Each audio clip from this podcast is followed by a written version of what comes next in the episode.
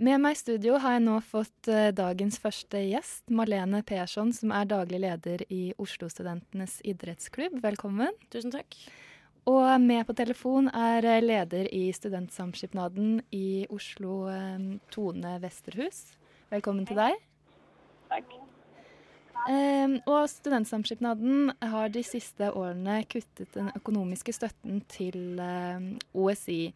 Og i år så får de ingen støtte i det hele tatt. Uh, og Tone, kan du fortelle hvorfor dere har valgt å kutte den økonomiske støtten? Uh, ja, vi har jo tidligere hatt en avtale med OSI som uh, nå har blitt sagt opp og som har gått ut. bakgrunnen for det her er prinsipp som vi i styret eh, har vedtatt om å likebehandle alle studentforeninger i SIO, sånn at eh, vilkårene skal være like eh, for alle. Nå er det jo sånn at eh, OSI og SIO har en eh, lang historie sammen, eh, og vi har samarbeidet mye opp gjennom årene, og det håper jeg vi kan fortsette å gjøre. men jeg mener ikke at det er Eh, argument for at eh, OSI skal få opprettholdt en økonomisk støtte som ingen av de andre 400 studentforeningene i, i SIO får. Vi syns det er bedre at de eh, da må eh, operere på samme vilkår som alle de andre eh, studentforeningene. Mm, men hvorfor har OSI holdt på å si, fått støtte så lenge, hvis det ikke er likt for de andre studentforeningene? Nei, Det og historiske grunner til det. Tilbake når samskipnaden var eh, f.eks. operert innen et, eh, et mer begrensa område. OSI var den eneste idrettsforeninga. Nå er det mange flere idrettsforeninger. Eh, og det var mange færre student, nei, utdanningsinstitusjoner. Det er det som er bakgrunnen for at, eh, for at det har vært sånn tidligere. Eh, og så er det jo sånn at vi ønsker jo også at OSI skal kunne opprettholde den aktiviteten som de har hatt. For de gjør kjempemasse bra og tilbyr et, eh, et flott tilbud for studentene i Oslo. Og da kan vi ikke legge om ordninga sånn helt over natta, det er vi helt enige om. Men det måtte ha vært en overgangsfase der vi har gradvis eh, trappa ned, og slik at de kan bli eh, innlemma i det tilskuddssystemet som, som alle andre studentforeninger i. Eh, direkte eller indirekte under velferdstinget. Mm. Eh, men Marlene, hvilke konsekvenser får det for dere i studentidretten at eh, SIO nå har kutta støtten? Nei, altså det er klart at Vi uh, har jo hele tiden sagt at vi er innforstått med at det er mye ryddigere å flytte tildelingsøkonomien vår til velferdstinget. Uh, så det, det, har vi akseptert, men det er klart at det Eh, en ting er jo at det ble gjort forholdsvis eh, brått. Eh, og en annen ting er jo at det selvfølgelig gjør ting litt mindre forutsigbart for oss. Men det er jo ikke bare dette med pengestøtten som er utgangspunktet for at vi nå går ut på den måten vi gjør. Det handler om flere ting enn det, hvor blant Eh, kunstgressbanen på Domus er en faktor, eh, hvor SIO ønsker å bygge ut studentboliger, men ikke er villig til å se etter en løsning der man både bygger ut boliger, men også opprettholder det idretts- og aktivitetstilbudet man har der.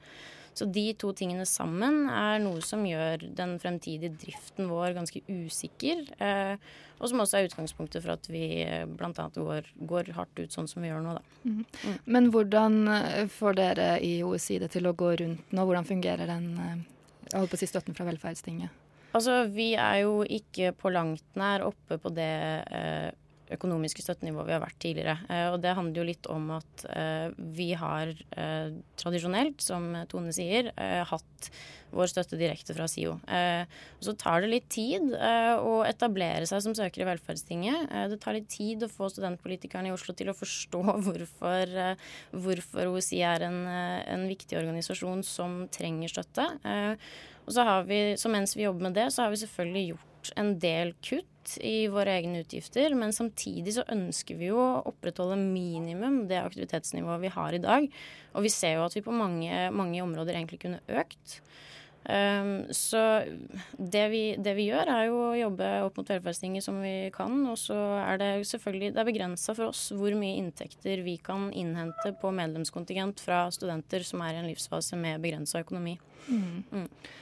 Um, og Tone, har du noen kommentar til eh, jeg håper å si, Stemmer det at SIO ønsker å bygge ut studentboliger på, på fotballbanen oppe ved Domus Atletica? det stemmer det. Vi har jo den, eh, vi har den velsigna oppgaven å tilby eh, tjenester og velferd til studenter. Det ansvaret innebærer også at noen ganger så må vi prioritere mellom ulike goder. Det er ikke sånn at vi eh, av prinsipp vil fjerne kunstgressbanen, eh, som det nesten fremstilles eh, som i Universitetet denne uka. Vi har et klart og tydelig mandat som er gitt av samskipnadsloven for å sørge for rimelig, eh, rimelige studentboliger. Mm. Det, det, jobber vi veldig hardt med. Og vi har, til tross for at vi har økt boligmassen eh, betydelig de siste årene, så har Oslo den laveste dekningsgraden i landet. Og vi har lengre køer hvert år ved semesterstart.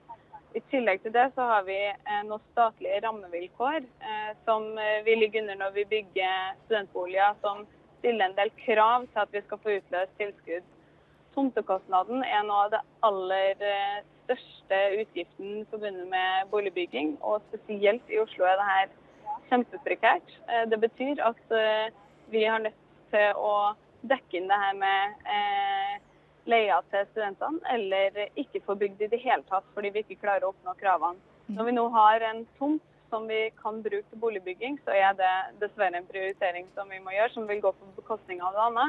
Men sånn sånn er det eh, rett og slett noen ganger for oss at vi har nødt til å prioritere mellom, mellom ulike goder. Skjønner.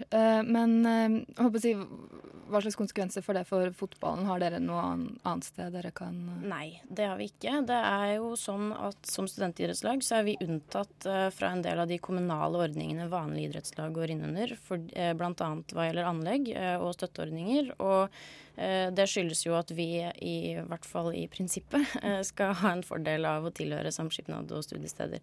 Eh, og skal bli dekt Eller at dette skal dekkes gjennom dem. Og så er det jo bare for å ha sagt det, vi er jo en studentidrettsklubb og er selvfølgelig tilhengere av at man bygger ut studentboliger. Det vi lurer litt på, er jo ressursbruken her. For det ligger jo et nesten nytt kunstgressdekke på den banen som har en verdi på rundt 7 millioner kroner. Eh, vi vet at bydel Nordre Aker, som har protestert mot at eh, SIO unnslipper krav om erstatningsareal, har kommet med tilbud om en ny tomt. Eh, de har sagt at opparbeidelse av en ny tomt hvor man kan bruke dette kunstgresset, vil komme på omtrent fem millioner. Og så vet vi da at dersom man bygger ned kunstgressbanen helt, så må man tilbakebetale 4,2 millioner i spillemidler til Kulturdepartementet. Så for oss så er det litt vanskelig å forstå når eh, vi som primærbrukere protesterer, bydelen protesterer, Oslo idrettskrets protesterer og fotballkretsen protesterer mot utbyggingen, eh, at ikke SIO er villig til å gå i en dialog på hvordan vi kan finne en ordning hvor man kan få til begge deler. Mm. Tone, har du noen kommentar til det? Eh, de, eh, den eh, alternative tomta er ikke jeg kjent med. Det har ikke jeg fått noe informasjon om. Og en tomtepris på fem millioner for en, for en, så stor tomt, det høres også ekstremt forskjellig ut fra det vi betaler for de andre tomtene som vi, som vi nylig har kjøpt. Så hvis det er tilfellet, så må vi selvfølgelig se nærmere på det. For det høres jo helt Sånn som du fremstiller regnestykket der, så høres jo høres jo veldig enkelt ut. Um, så vi kan gjerne se nærmere på akkurat det hvis dere har en tomt liggende som vi bare kan bytte dekket over til. Uh, men all den tid, uh, all den tid uh, vi, vi baserer, baserer, vår boligbygging på en ekstremt mye høyere tomtekostnad, så, så går det regnestykket ikke opp. Mm. Um, ja. Men uh, hvordan holdt jeg på å si, ser framtiden til uh, eh, OSI ut nå? Det er klart at uh, med alle disse tingene som skjer nå, så er den usikker. Og vi har jo spist veldig av oppsparte midler nå de siste årene bare for å rett og slett som sagt opprettholde den driften vi har hatt tidligere. Uh, og, så dette er jo én ting, men det vi opplever nå med kunstgressbanen, støttereduksjon, uh, kombinert med det som har skjedd i avtaleforhandlingene, hvor SIO ønsker en avtale som åpner for at de kan drive konkurrerende virksomhet til oss, men ikke omvendt. Da mener vi det er på tide å rope varsko. Og ikke bare om OSIs situasjon, men også at det er på tide at man stiller spørsmål ved hvordan SIO verdsetter studentfrivillighet eh, og tilrettelegger for at studentene selv kan drive egne aktivitetstilbud. Mm. Tone, har du en siste kommentar? Ja, jeg syns det er jo litt uh, merkelig fremstilt. Uh, og akkurat det med at vi vil drive konkurrerende virksomhet, handler ikke om at vi har lyst til å drive uh, noe annen virksomhet enn det vi allerede gjør. Altså Vi har et kurstilbud der vi tilbyr ting som dans, yoga, svømming til studenter som ikke er interessert i organisert idrett. Og det har vi lyst til å, til å opprettholde. Det er noe vi har gjort lenge. Eh, så det har vi lyst til å opprettholde videre. Og vi har ikke lyst til å begynne å tilby organisert idrett som går og, eh, og konkurrerer med eh, OSI. Akkurat. Da tror jeg vi må runde av der. Takk for at dere stilte opp, Marlene Persson og Tone Vesterhus.